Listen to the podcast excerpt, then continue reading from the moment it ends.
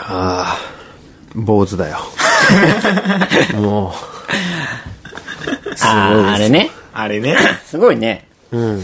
あれな、どう、どうなんすか一応こう、ほら、アイドルプロデューサーとして は。アイドルプロデュースしてないよ、そんな大ししてた。るいじゃないですか。や、でもなんか坊主とかすごいよね。なんであんなことになっちゃうんだろう。結構ね、俺 YouTube でもうないんやろ、あれ。あそうなの削除され削て除されてあれでも自分で切っとよね。すごいよ、だって襟足とか、なんなんかかジャンボザキみたいなさ、 上だけなくてさ。でもさ、そんな自分で切ってさ、なんだろうね、どう、どういうことなんだろうね、あれなは。んだろうで。も、わからんけどさ、俺も詳しく見てない。結果オーライですよね、あれね。あんだけ話題になってさ、しかも映画公開の直前やろ。え、でもあれでしょあの子は要するにもうやっちゃいましたってことでしょそうだね。認めたってことで しょ。うん。その夜の営みを、泊まり、泊まり合い認めちゃったってことでしょ夜のフライングゲットをしたってことでしょ、 あれな、エグザイルじゃなくてなんだっみけたいな。なんかにやられちゃったってことでしょ、うん。ええそれはまあ、それはそれでいいのかな それで坊主にしたってことはでもさ、もうそれは認めて反省しますってことでしょそうだね。その夜は、すごい頑張ったけど、反省しますってことでしょ、 それやっぱファンとしてはやっぱ傷つくもんなのかななんかさ、俺、そのアイドルファンの心理が全然わかんなくて、もともとね。いや、でもやっぱ傷つくんじゃないのだけどさ、それってさ、ちょっとさ、こう角度変えたらすごい興奮材料にもなるじゃん。そう。そうよね。だって、明かしてるわけだから。やってるってことを。こいつと、こいつとこいつ がこいつとこいつと、こ、あの夜にっていうのはあるじゃんそうさ。あの夜に営みをっていうさ。でもな感じ、でしょで、しかもその後坊主にって いう。全部変態視点で見ていったら、なんか全てが、あの、興奮材料になるんじゃないかなと思うんだけど。いや、でもやっぱそのアイドルに幻想を持ってる人たちは、やっぱそのアイドルが結婚して子供を産むとするやん。ふ二人ぐらい産むとしたら、最低2回はセックスしてるっていう。ことになる。なる。だから、子供に2人いるってことは2回はやってるって、まあそこまでなんだよね、でも許せるのは。ああ、な2回はやってるんだっていうところで、そこは仕方ないと。2回以上はやってないっていうね。さあ、そういう風な考えなんや。そう。俺らの時代だと、あの、ね、井上晴美ああ、あがあ。衝撃やったよね。そうだね。宮沢りえとかも坊主にしてたよね。あ、えしたっけしたっけ坊主やけどすげえベリーショートみたいなさ。ああ。役作りとかでしょ、でも。かもしれないね。でもある意味役作りみたいなもんだからね。しな、シガニー・ウィーバー的なやつでしょ。ああそうああ、あれ元祖だね。 元祖女子あと坊主 G.I. ジェーンとかでしょ そうだね。坊主の系譜ね。 井上晴美はだって坊主した直後にヘアヌード写真集出したけんね。ああそうか順番逆って思ったよね。とことん汚れていくのがいいのかもね。AKB の中で。恋愛はしないけど脱いでいくと か。あもう、もう明けっぴろげにしていくっていうキャラを一人いたら、あ、もうこいつこういうことでやっていくんだな って。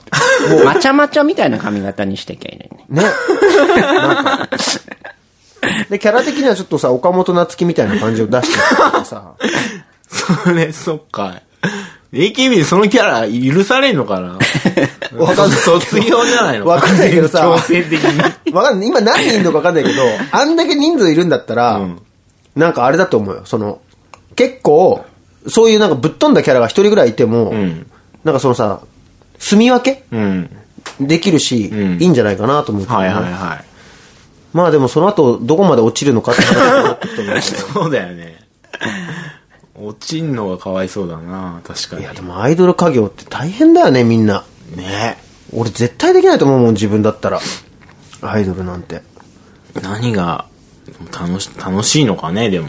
みんなはい。やっぱチヤホヤされてるのは楽しいのかもしれないけどね。まあでもこの後ほら、アイドルプロデューサーが来るから。そうだね。うだよ。今日はそうだ、アイドルプロデューサー二人もいいんだよ。本当だよ。そうだよ。もう全権握ってるらしいかでもなんかパッと見た感じ、あの、そんなアイドルとかどうでもいい感じにも見えるから。そちらのブースの方で iPhone 見てる感じでは。どうなんだろうね。そうだね。いや、まあでも、ちょっと一回女の子に生まれたらやってみたい気もあるけどね。アイドルねアイドルね。 俺はプロデュースしてみたいわ。アイドルの接点とかあんの喋ったりするの喋ったりするする。えあえ、ーそうなんだ。恋愛感情とか抱かないいや、だってでもみんなすげえ可愛いからね。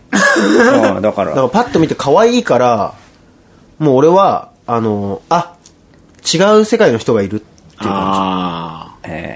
なんか敬語で喋ってる自分がいるみたい な。あれっていう。下手したら、絵と一回り違うのに、今俺敬語で喋ってるみたいな瞬間はあるそっか、一回り違うんよね。そうだよ。だって俺、さ、その、あれだもの、曲もね、ん書いて、だから決戦はフライデーって曲を書いたんだけど、うんうんいや、こんなことやって、ドリカムに怒られちゃうよねって言ったら、そしたら、え、何ですかみたいな。も マうなジんかか。その、あ、その瞬間に共通の話題ないんだって 思ってそっからの俺のこの、スーっていう引き具合すごかったよね。へえ。そうそう。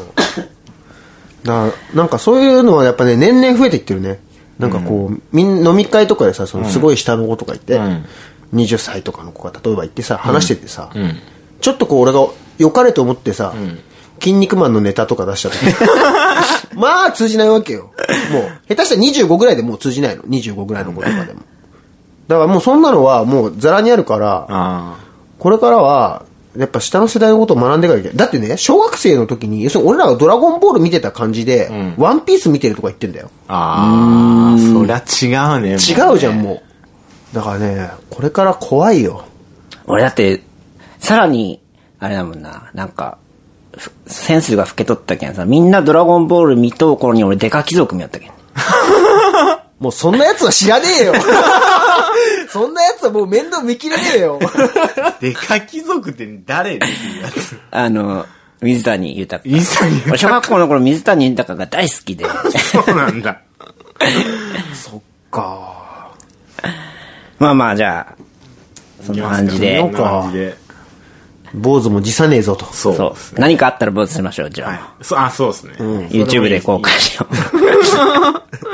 話題になるのかどうかっていう。そうだね。おうちくんあたりをいきなり坊主にしてみようよ。 それいいかもね。プロモーションとして。 じゃあそんなわけで行ってみましょうか。はい。はいえー、アナ大久保とウ、ィーケンド先生のレディオレックス。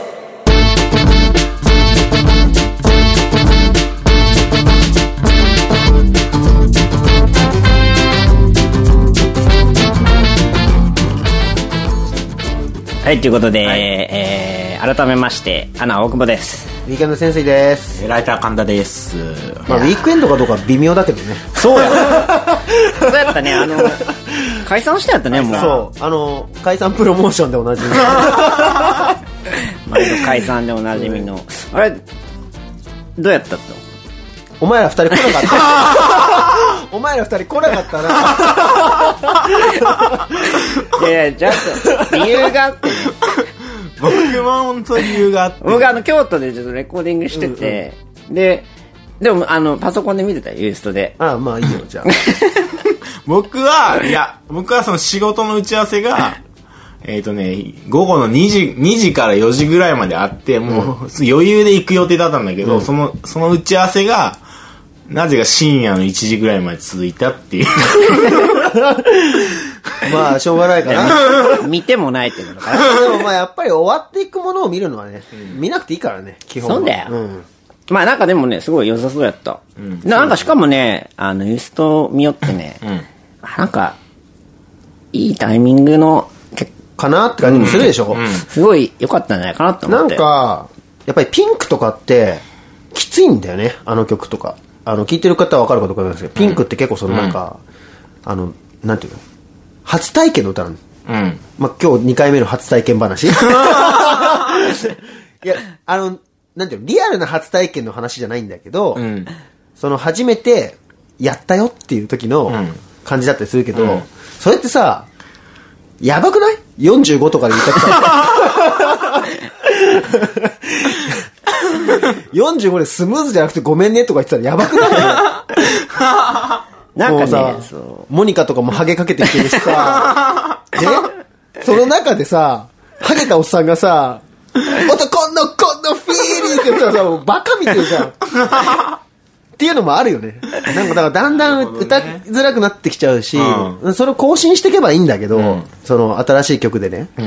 でもなんかやっぱり求められちゃったりもするから、っそう、なんかね、ウィーケンドね、相変わらずやってんなっててい、いううね、っていう良さやけんさ、それって別にね、例えばなんかもうあと10年ぐらい経って、それぞれがさ、いろいろやって、もう一回やったとしてもさ、なんか全く同じグループが出る気がする。そうだよねだから別に今やんなくていいんじゃないかなって気がしたかな。だからなんかまあ、いいタイミングだったと思いますよ、僕も。いや、なんか似てましたよ。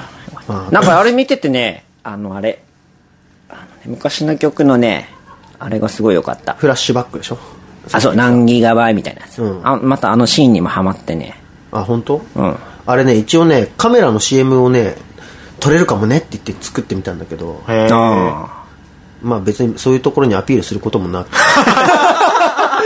いつものごとくなーなー で終わっていくっていう感じだったね。まあでもあれちょっと弾きたいんで。じゃあ、ウィークエンドで、フラッシュバック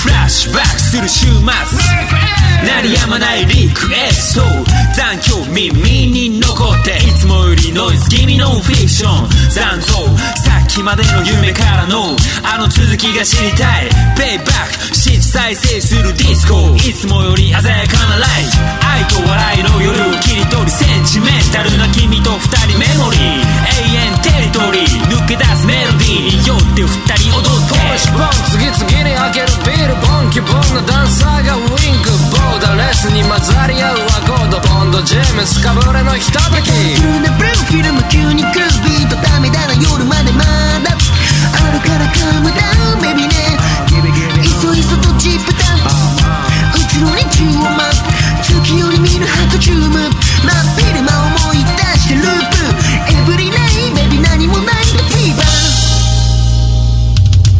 少し酔っている舞い上がっている不意にちょっと君のこと持ってみるあの日あの時あの場所で君に会えたけど全部台無しにした変わる変わる季節の中たまにあの日と同じ空気に出くわすちょうどこんな週末と同じやたらけだるい夜の記憶ディスコミュニケーションのミュニケーション続く続く朝の手続き夜にたむけた花シャラなななな不意の花歌ベイベーちょっと気のせいで Maybe baby breaking up breaking up beat Hey boy Hey girl あ、uh, ねえかけてよ DJ It's a tune we go 炎上する感情戦場ただの今日だから大丈夫ただの今日だから大丈夫覗き込むカレイドスコープあの子の仕草にスクープまだ永遠なんて祈ってドゥンドゥン違うズグドゥンシュームないでフラッシュアイスを噛み砕きシャキッと目覚ましフロアにまた戻ろうか終わりの見えない週末その正体それはきっと夢と現実の間で今もあの時の言葉よみがえってくよなんとなく立ち尽くしたままでなんとなくイルマティックである散りばめられたフラッシュを集めて高速ハイウェイから抜け出す土曜からのシステマティック思い出はいつでもノスタルジックハイウェイつなぐあの8ミリのノイズチリに胸に感じた SM 夜はウィークエンド先週からいつものあいつもの何メガバイ何ギガバイあれば今を鮮やかにとっとける何でもない何にもない夜をフラッシュを抱かずにフラッシュバック何メガバイ何ギガバイあれば今を鮮やかにとっとける何でもない何にもない夜をフラッシュを抱かずにフラッシュバック何メガバイ何ギガバイあれば今を鮮やかにとっとけるあら、僕もと。ウィークエンド先生のレディオンレックス神田くんフェイスブックばっかりやってるよ MC モニカの自由形ははい。はい。というわけで、第9回目ですかね。 9回目。実は今日はなんか、あの、珍しく、このコーナーからゲストが一人お来てまいらす。っしゃってます。あじゃあ自己紹介の方。お願いします。どうも、はじめまして、えー、ドラムとか叩いてる西浦健介です。 すげえ、もやざっくりした。てなわけで、西浦くんがゲストでーす。よろしくお願いします。この中ではね、一番売れっ子だから。一。番売れっ子だった人でじもゃない何ですやってる人かか。よくわかんなくなってるまあちょっと過去形になって。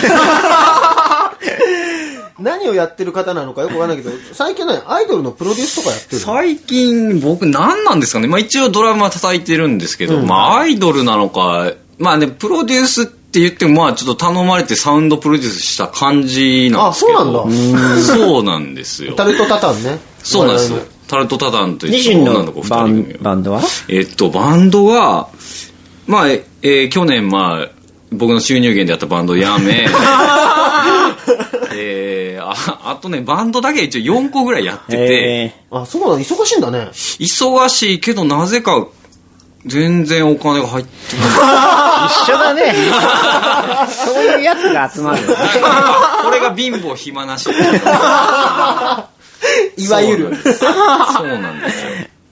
バンド、あれ何個やったかなまあ、あの、今ちょっとあの、緑ってバンドにいた、うんうん。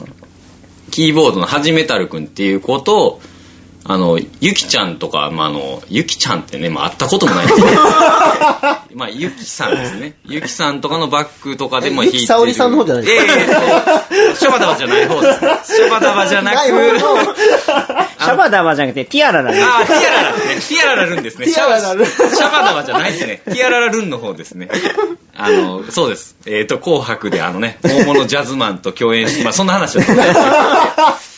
その、ティアララルンじゃないゆきさんゆきさんの方ののバックとかでギター弾いてる、まあまあもう本当、もうベテランの、この人はリアル売れっ子のギタリストの松江潤さんって人と、まあ3人で誰でもエスパーでバンドをやっえーやってるんですけど、まあ、去年1年何も活動していない。あ、そう なんだ。一昨年結成したけど3回しかライブをしてないというへー。そうなんですであと、まあ、あと進行方向別通告文っていう、まあ、これまたもう趣味のバンドは、まあ基本やってないですまあ10年ぐらい、まあ、一応やったりやってなかったりで解そうなんだ散したり、ね。そうなんです毎回ライブのために解散するの。いや、あれもね、別になんかこっちから言ったつもりな、ない気がするんですけど、あんまよく分かってない。まあでも、リアルに普段何にもやってない。なるほど ね。そうなんですよ。ただ、ね。飯を食い、ラミをむさぼり。そうですね。まあ、まさしくあの、クソ人間です。まあ、そんな、いろんなことに巻き込まれがちな、はい。巻き込まれてますよ。西浦健介くんを ゲストに、ゲストに。あの、自由形行ってみようかなと思いはまいす。お願いします。じゃあまずはじゃあ、あのーいつもの通り、うん。モニカの方から行ってみようかな。はい。もうこれが活動のメインっていう。そうだね。何 か。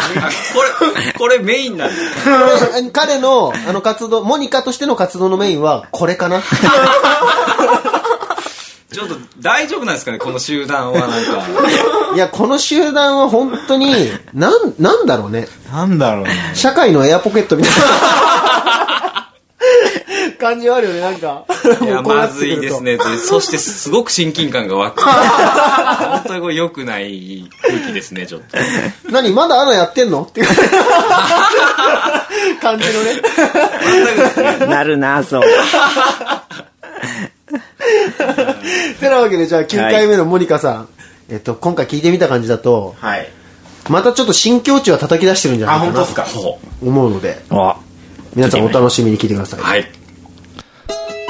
我々探査隊はとうとうあの遺跡を発掘することに成功しましたそこには黄金が輝いていたのですこれで私も歴史に名を残せるすごいだろうそうこの黄金は全ての人が追った最高の宝だまずは写メを撮ろうパシャパシャ3枚撮ったでも別にいい状態で残す必要はないのだなそうきっとクルーたちが新しい写真を撮ってくれるそのうち俺を助けに来てくれるはずだまずはここで待とうでも誰も来ないとても寒い死にそうだ持ってるハムを食べよう生ハムだから冷たいなまあしょうがない口寂しいがこれを食べてりゃ少しは来るだろう救助隊が来るまで私は一体何をしてようかここでは iPhone も使えない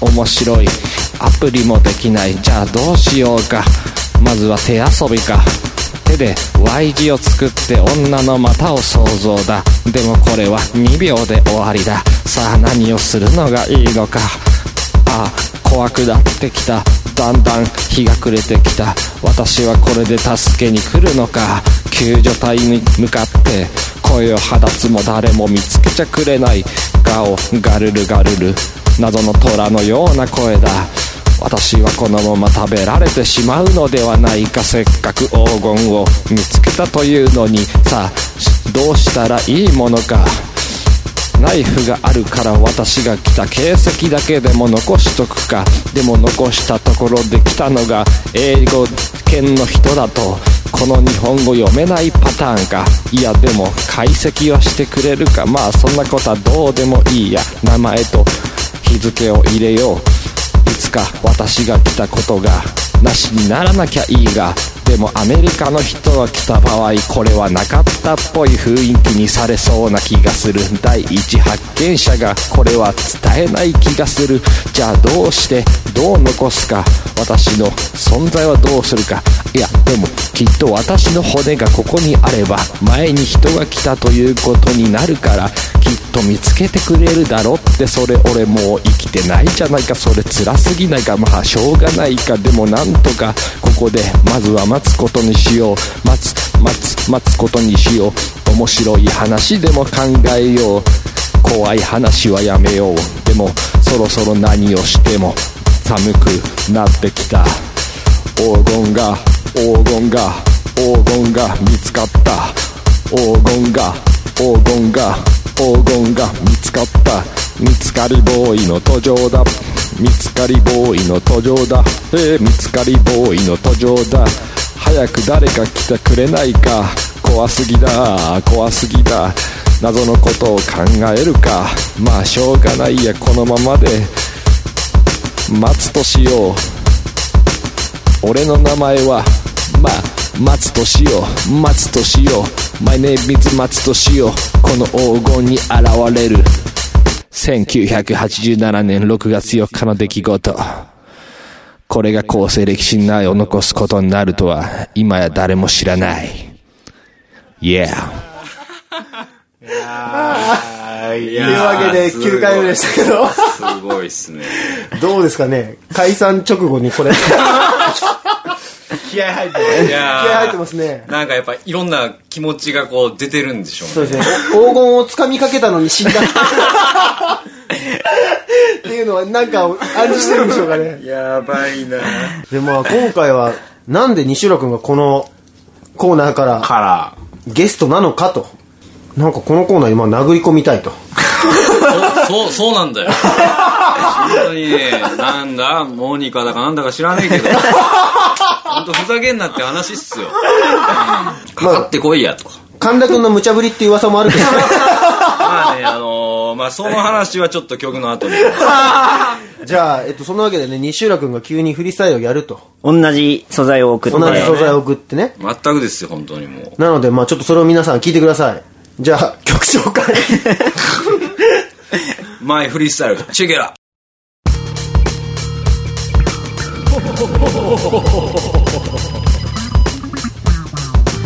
皆のものよく聞け本当のフリースタイルというものだなこれがこれが俺なりの本当のフリースタイルいいか決して何を言っていいのかわからないんじゃないぞただ間は持たせた方がいいだって意外と曲が長いだからだから勝手にギターも付け加えさせてもらったし弾けないベースだって付け加えた他もいっぱい付けたいんだがあまりにもごまかしがひどすぎるとお前らバカにするだろだからこれぐらいでやめさせていいんだ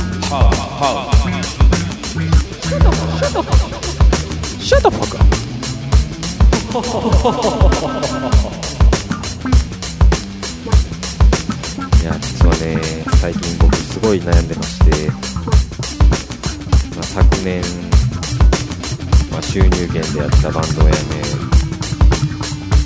最近は昼過ぎに起きては映画を見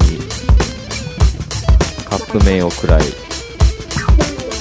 意味もなく2チャンネルのまとめを読み夜中3時4時5時に寝るというこの手たらくどうしたもんなんだこのままで俺がいいのかそんなわけはない少なくとも俺はもっと光り輝けるはずだそうだろだって今までの人生を見てみろよ俺はいつだってのち上がってきたじゃないかあいつらもあいつらもあいつらもあいつらもこいつらも全部踏み潰してそんでもって俺はのし上がってきたんだよ覚えてるかあの2歳の頃トラックにひかれそうになった子供を僕が救って救ったっけ僕はどうでもいい俺の名前は西浦圭介大阪生まれなら育ちのヒップホップ野郎後が続かん得意な泳ぎはクロールです平泳ぎなんて全然できへん得意な泳ぎはクロールです平泳ぎなんて全然できへんバタフライバタフライバタフライは肩の筋肉つきまんねんあ三角三角三角三角三角筋肉つきまんねん俺はどういうわけだか生まれつきあ逆算でんねんスタイルはスタイルええけどようわからんけどもっともっともっともっともっとデブでんねんどうしまひょ言うことあれへんどうしまひょあー海外行きたいなまた台湾行きたいなあそこのご飯美味しいねんなちょっとして美味しいねんなあっさり加減のことかな最近そういえばな僕家で植木育て始めましたそうなんていうの子でも買ったら結婚できねえって言うやんかだからその代わりっていうのもなんやけどなんかこう植木やったらまだなんていうのそこまで感じられないねそんな感じもしてんねんけどあれようやくもうそろそろ時間終わりって言ってるけど俺ほとんどラップしてくるんじゃんこんなんでいいのこんなんでいいのこんなんでいいのこんなんでいいのいや全然良くない K-POP 育ち俺の育ちは大阪育ち奈良育ち関西育ち全然何も言えてへんクロールクロール平泳ぎなんて全然できへんクロールクロールクロール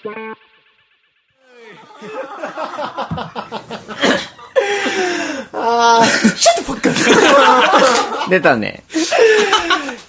いや、これはイルマティックだね。これはすごいね。いやー、来ほんましたとねね。なんでこれ、まともなやつおらんやん、これ。 まああのーまあ、さっきはねちょっと対決姿勢をこうあらわにしましたけど、まあ、ぶっちゃけて言うと、まあ、僕はこんな話聞いてなかった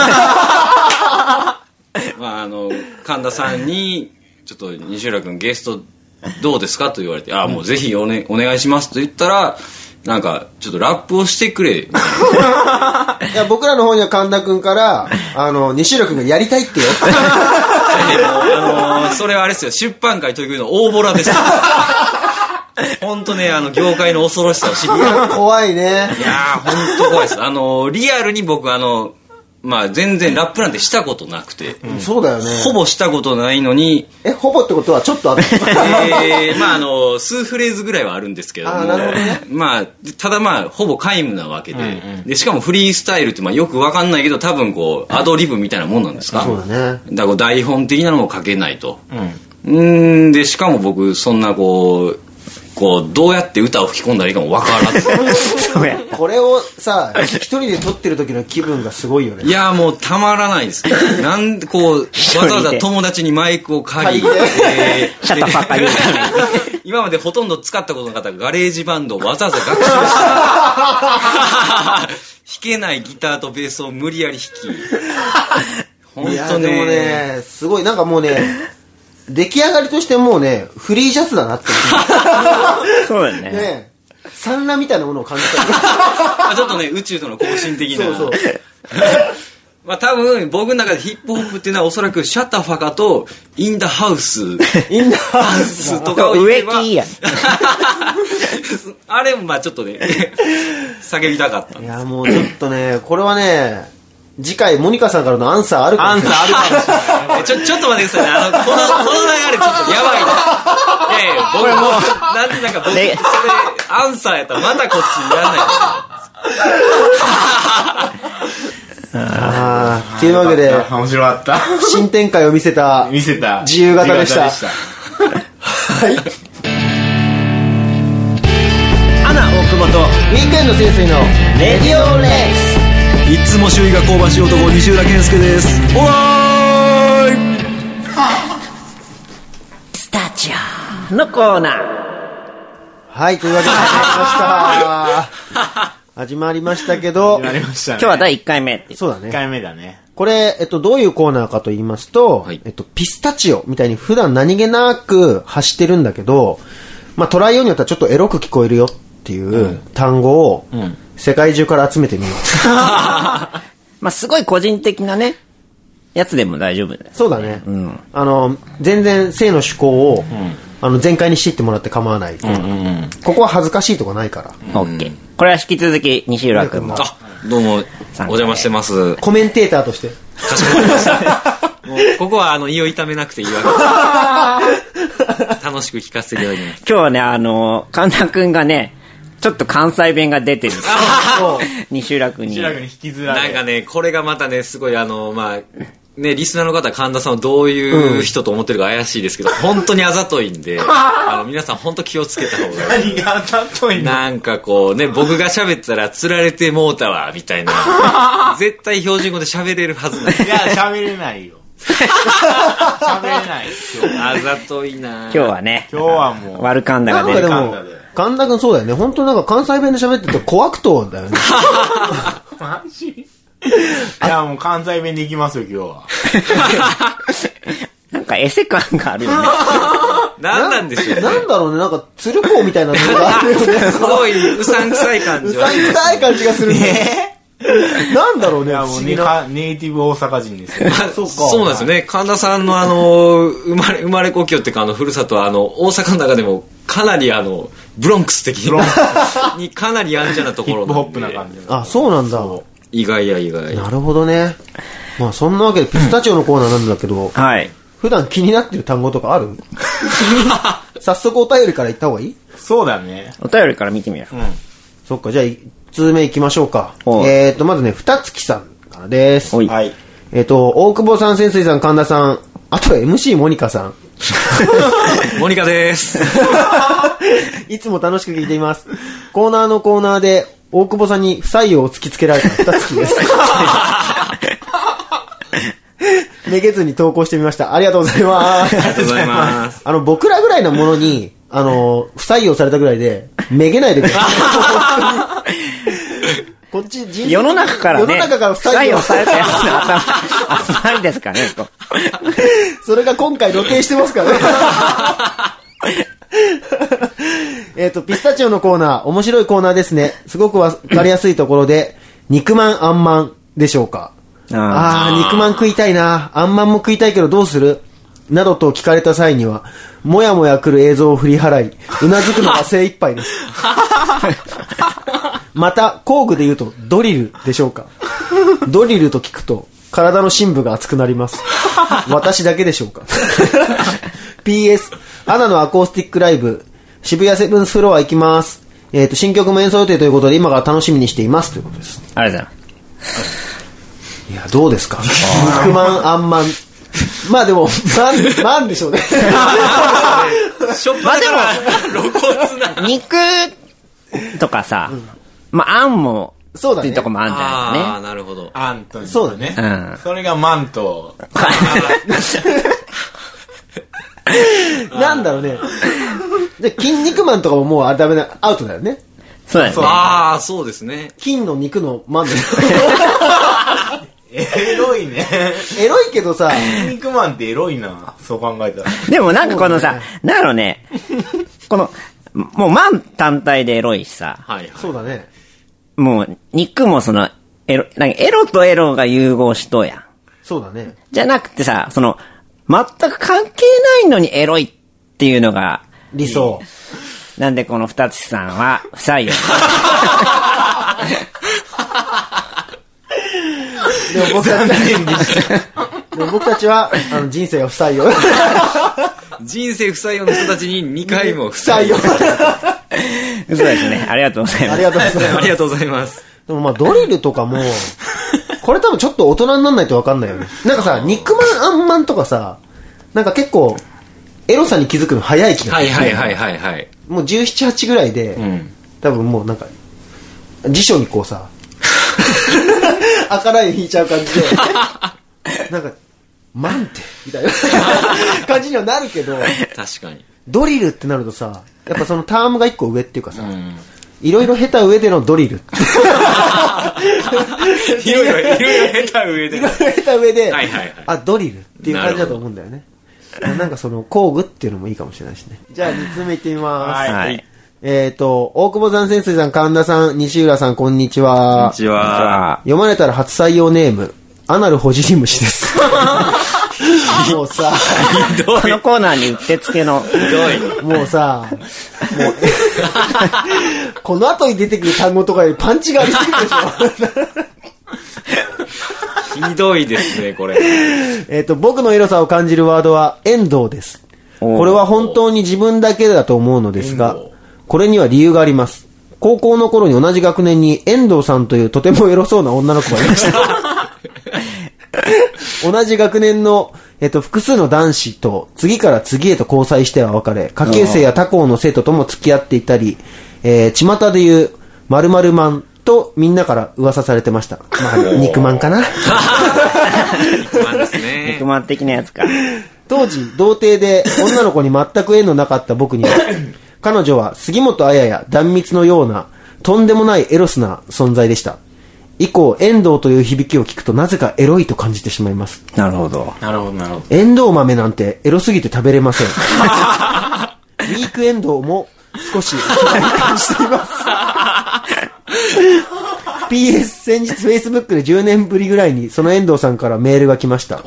少しにえ、少し期待をしたのですが、もう結婚されていて子供も名字も変わったせいかあまりエロさは感じませんでした。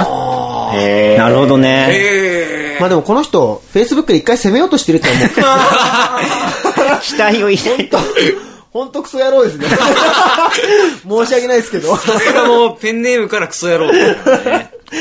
SNS で攻めようとするっていうの はもうね、もこれはだから、ヤングトラウマ的なやつですようね。ね、なんかそういうのはあるかもね。うん。名前とかね。はいはいはい。変動ってだって別に、って感じやもんね。そうだね旗。からするとね。何にもないもんね。何にもない。ちょっと羨ましくさえありますよね。その遠藤を聞くたびに、こう、エロスをあ感じーエるロさを感じられるっていうのがとても羨ましみんなより一個、い。ね、なんか、街にエロさがあるわけ。そう、そうそうだよ ね。もう遠藤さんってこう、お医者さんとか行った瞬間にもう、そうだよね。遠藤、女性か、男性か、男性か。え遠藤女性も男性もいるでし ょで、だから、その女性やったら、その、あの、アナル、女性でアナルほじりました。あそうそうそう僕の、僕のだから多分男の子だからやったらでもさ、その遠藤さんとさ、結婚して名字を遠藤にしてしまえばさ、もうなんか、自分が、素晴らしいじゃないいですか。やでもさ、もっと進めて、遠藤の円だけにフォーカスしていったら、コンビニとかでも興奮できるってことでし ょ何円 いくらいくら円のお釣りでございますって言われ た時に、ドキッ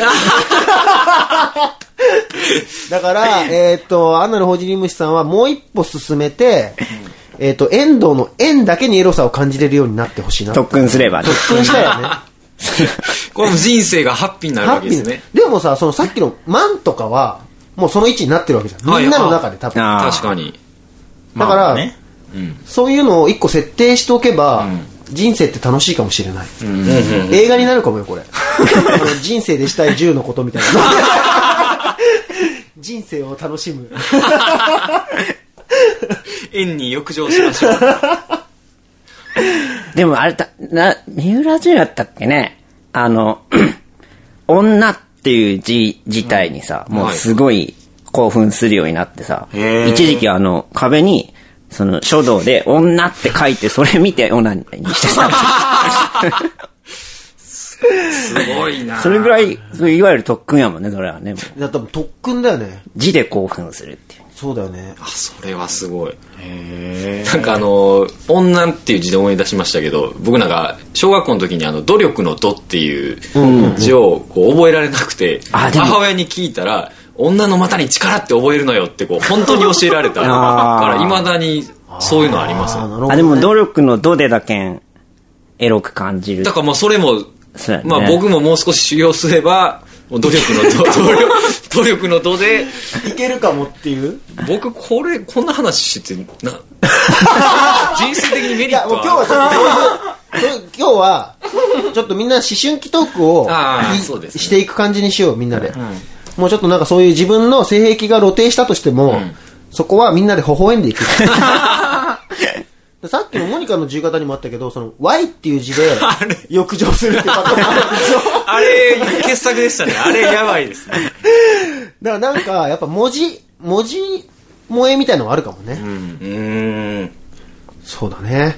じゃあ次、次。 次行ってみようか。はい。えっと、じゃあこれ、Facebook の方の投稿に、じゃあちょっと行ってみようかな。はいえっと、ゆいさんからです。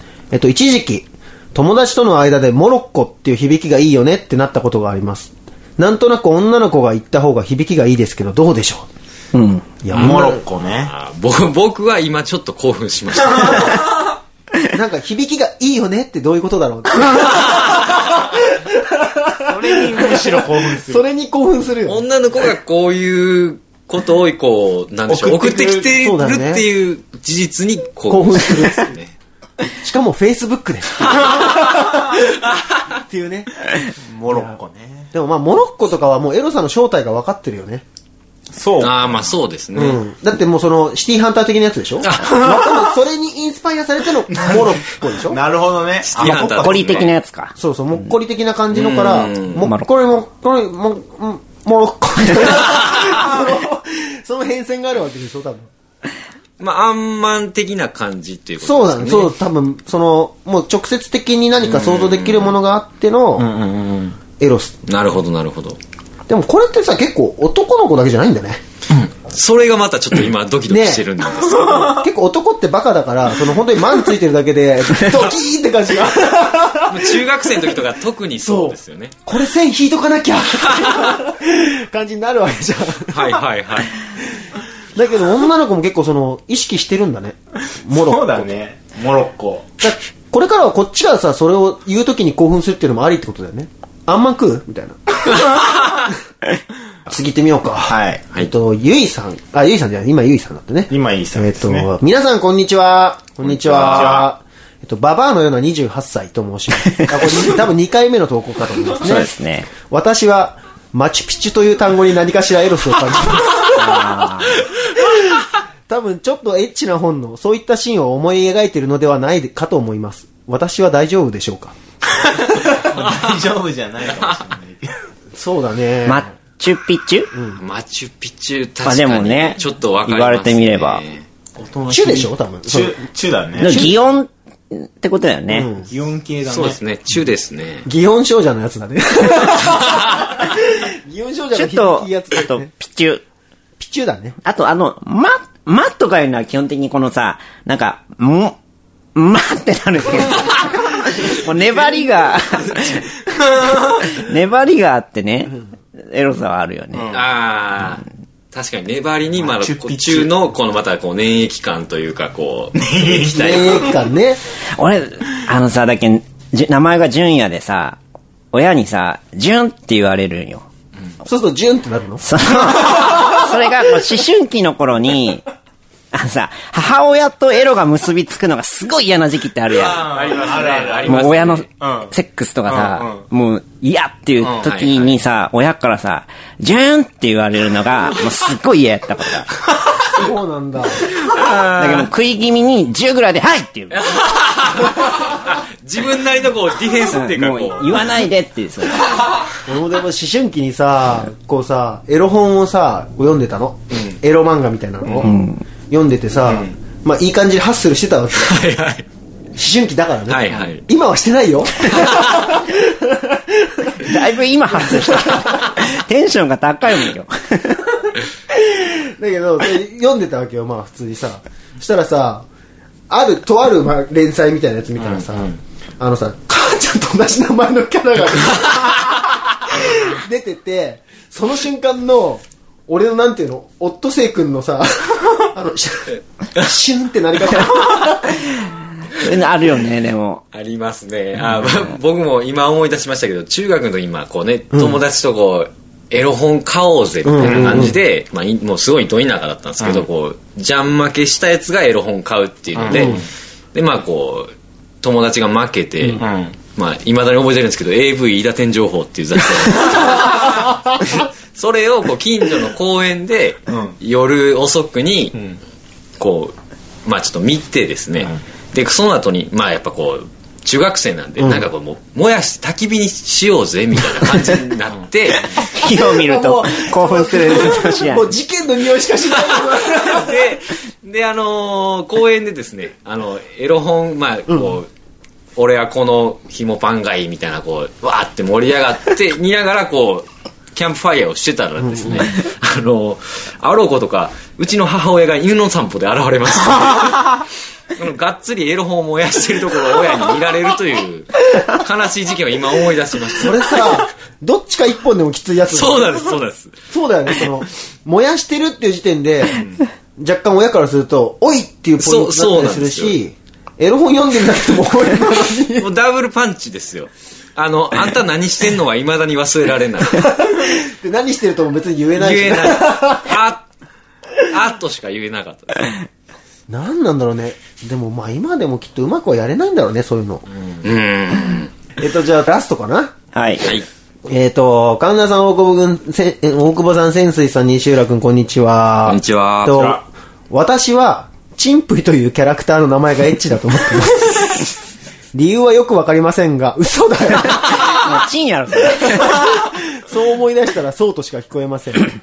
多分、あれがあれでそう思えてしまってるような気はするの ですが、思春期も、思春期でもあるまいし、自然に振る舞うようにしています。えっと、ペンネーム、マックス・マーラさん です。最低ですね。チンプイって何あの、チンプイっ藤て子の藤子不二雄のキャラクター。ああ、いましたね。紫色の、なんかこう、猫みたいな。ちょっと今、紫色でまだちょっとあの、すいません、なんか。 あ、でもね、紫ってちょっとエロい感じはするよね。ああ、そうですね。何なんだろうね。やっぱ工藤静香的な感じなのかなわかんないけど。紫っていう AV 女優とかうるさいもんね。あ、いそうだね。なんかね。そうですね。なんだろうね、あの、エロとさ、その、面白の垣根ってすごいあるじゃん、なんかその、なんかお、面白いなーになる瞬間ってあるじゃん、エロが。うんうんうん。その瞬間はすごい好きだよね。なんか、これ、一個思いま思い出しました。中学の時にこう、エロ本ダイエットを推奨してる友達がいました。なんすかそれ。あの、あエロ本っていうかまあ、AV ダイエットですね。あの、AV 見てるとさ、食欲なくなるっしょっていう、もうそれだけなんですけど、なんかエロと食って、まあ、人にもよると思うんですけど、大半の人は AV 見ながらご飯食べたいってあんま思わない。それやっちゃったらもう、ド変態な気そうなすんるでよすよ。ね。まあ、ただ今僕は、神田さんが、え、そうかなみたいな表情をしたのを見逃さなかったんで、まあ意外と、それでもさいける人なのかなってそれが結局さ、ノーパンしゃぶしゃぶとかさ、ああ、そそうそう。ああ、そうか。そう、だから、女体盛りとかっていうのが要はそうなのそう、だから、あそうだそうだ自分的にはあんまり、こう、理解できなくて、俺もあれがね、わかんないんだよわかんない俺も別にね、その、エロスを味わいながら、あ、なんですか神田君 そうかなって理解いう。できるから。あ、全然食いけますか、じゃあ。僕はいけるけるね。え、なにラーメン食いながらラーメンン食いながらでも全然いけるね。あー、すごいね。変態だね。じゃあ、あの、なんだっけ、森崎料理研究家。ああ、あの、えエロい料理研究家います、ね。森。崎なんとかって美人料理研究家知エらロいない人は。エロい人ってでいうもかなんかまあ、一応こう、ちょっとこう、おっぱいとセクシャルなかボディあって、あー、そうなんそだ。の人が写真集、自分の水着とかの写真集の端っこにこうレシレシピが載ってるみたいで、 それそのどっちがその、え、そんな写真集出してんすかてか一応レシピ本なのよ、それ。本当は。メインとしては料理のコーナーにあるんやけど、なぜかこの水着とかの写真が載そっれてでももしかしたら神田さんみたいな人だからが、それの、あれよね。客は、そういう女体盛りとかのことよね、要は。なんかやっぱ、じゃあなんかミンタン嫌なのかと思ったらそうでもないと。いやでもね、俺やっぱ欲を、なんかこう、並列でいける人は、なんかぶっ壊れてる気あがあ、する。でもなんかそれすごいわかるな。そうだよね。えー、そっかな。だって、エ食ロ本欲、性欲ってだって三大欲求の二つだからね。えっと、睡眠睡眠でしょでもさ、だからそれを睡眠に置き換えてみるとさ、なんか寝ながらさ、ご飯食べるとかに、もう無理じゃん。うん。でそれと同じで、なんかあんまり性欲と食欲が並列になることってあんまない気がするんだ よね。あーでも俺気づいたらなんかお菓子食ってたりもするけどね。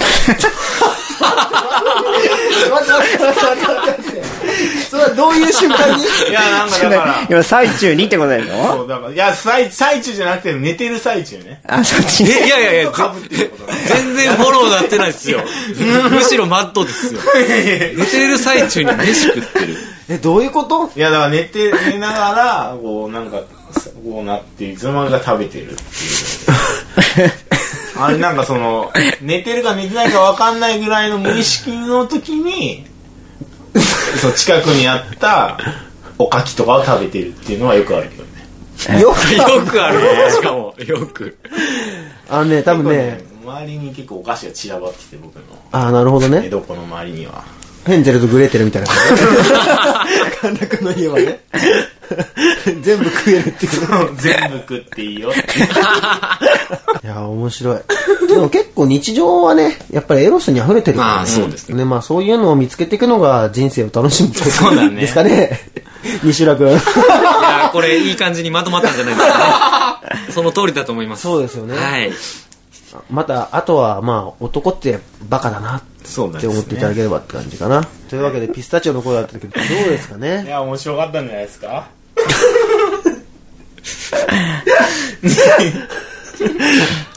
よかったと思いますけど。なんか、でも、あやっぱり、うん。いいよね。9回目だし、たまにはこれぐらいたまにのは。ね、いや、もう深夜に聞いてもらえれば。そうだね。 まあそのたまにの会に当たってしまった僕の引きの強さなのか、ついてなさなのか。じゃあその、ね、挽回するためにもなんか、今回にぴったりな曲が自分の作品でもかけてもらそうですね。あの、まあ、曲と言っていいのかわからないんですけども、あの、一度あの、僕、T シャツを個人的に販売しておりまして、あまあおこれもあの、まあ、小遣い稼ぎというのもやらせてもら ったんですけど、まあ、先立つものを少しでもという形で、で、その、まあ、T シャツを作った際に、まあ、第一弾で、まあ、毎回特典をつけようと思って、そんな安い値段ではないので、で、こう、特典で CDR を作ろうという話になりまして、あの、まあ、センチメンタルバスという、あの、う。おうえー、とあの有名な曲ですよ、有名な曲とかをの作曲をしてたあの鈴木明則さんという方があのうちのスタジオで撮りなよということでプロデュースしていただいてあのちょっと CDR を作ったんですよ、まあちょっとジングルとあとはあの僕の着メロ集と いうあの誰が欲しいのかよくわからない CDR をつけたんですけども、まあ、そこからあの、まあ、ちょっとあのジングルをちょっとここでかけれればなと思いますはい、はい。それなん、ジングルでいいのかなえー、と確かねアルバム名は「魂の調べ」っていうアルバムなんですけどはいいや、魂の調べからジングルです。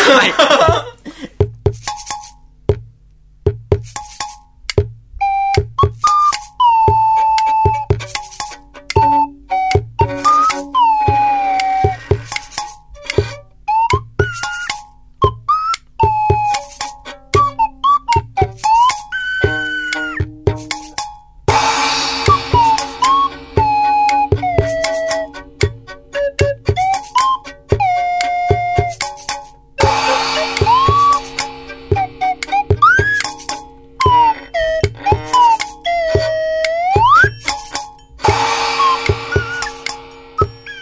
ということで、お送りしてきました、レディオレックス。はい。えー今日はね、西浦くんをゲストにゲ、ストにね。ありがとうございました、本当に最後までありがとうございま楽す。しかったです。ゲストでいや、本当すいません、あおりが邪魔してしまいましても。まあ今後レギュラーになるかもしれないですね。 アンサーしあの、はい地獄の日々が始まるわけです。もう、主に胃を痛めるって いう。ということで、やっぱでも、エロトークとかはね、あの、盛り上がりますよ。まあ AM、AM ラジオですからね、そうだねスタイルは。うんはい。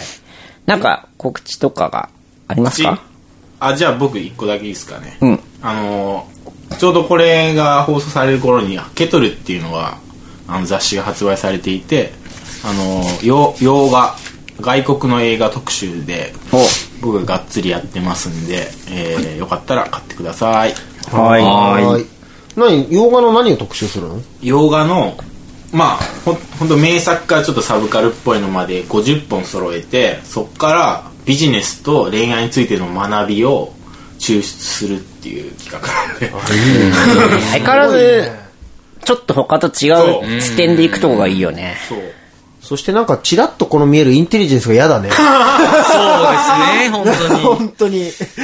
なんか、さらっとさ、僕はあれですねちなみに、まあ、タクシードライバーとかあのセクシードライバーじゃなくて。タクシードライバータクシードライバーそういうプパラロダものをあ着りたま悪すよね。魔あバグダッドカフェあ。ああ。なんか、まあ、その辺をいろいろやっ書いたりしますねあーなるほどね。楽しみだね、ケトルはでも毎そうで回。すねぜひとも買ってくださいはい。なんか、西浦君告知はあ、あ、僕も、その、ケトルで、多分、あの、クビになってなかったらレビュー書いてますんで。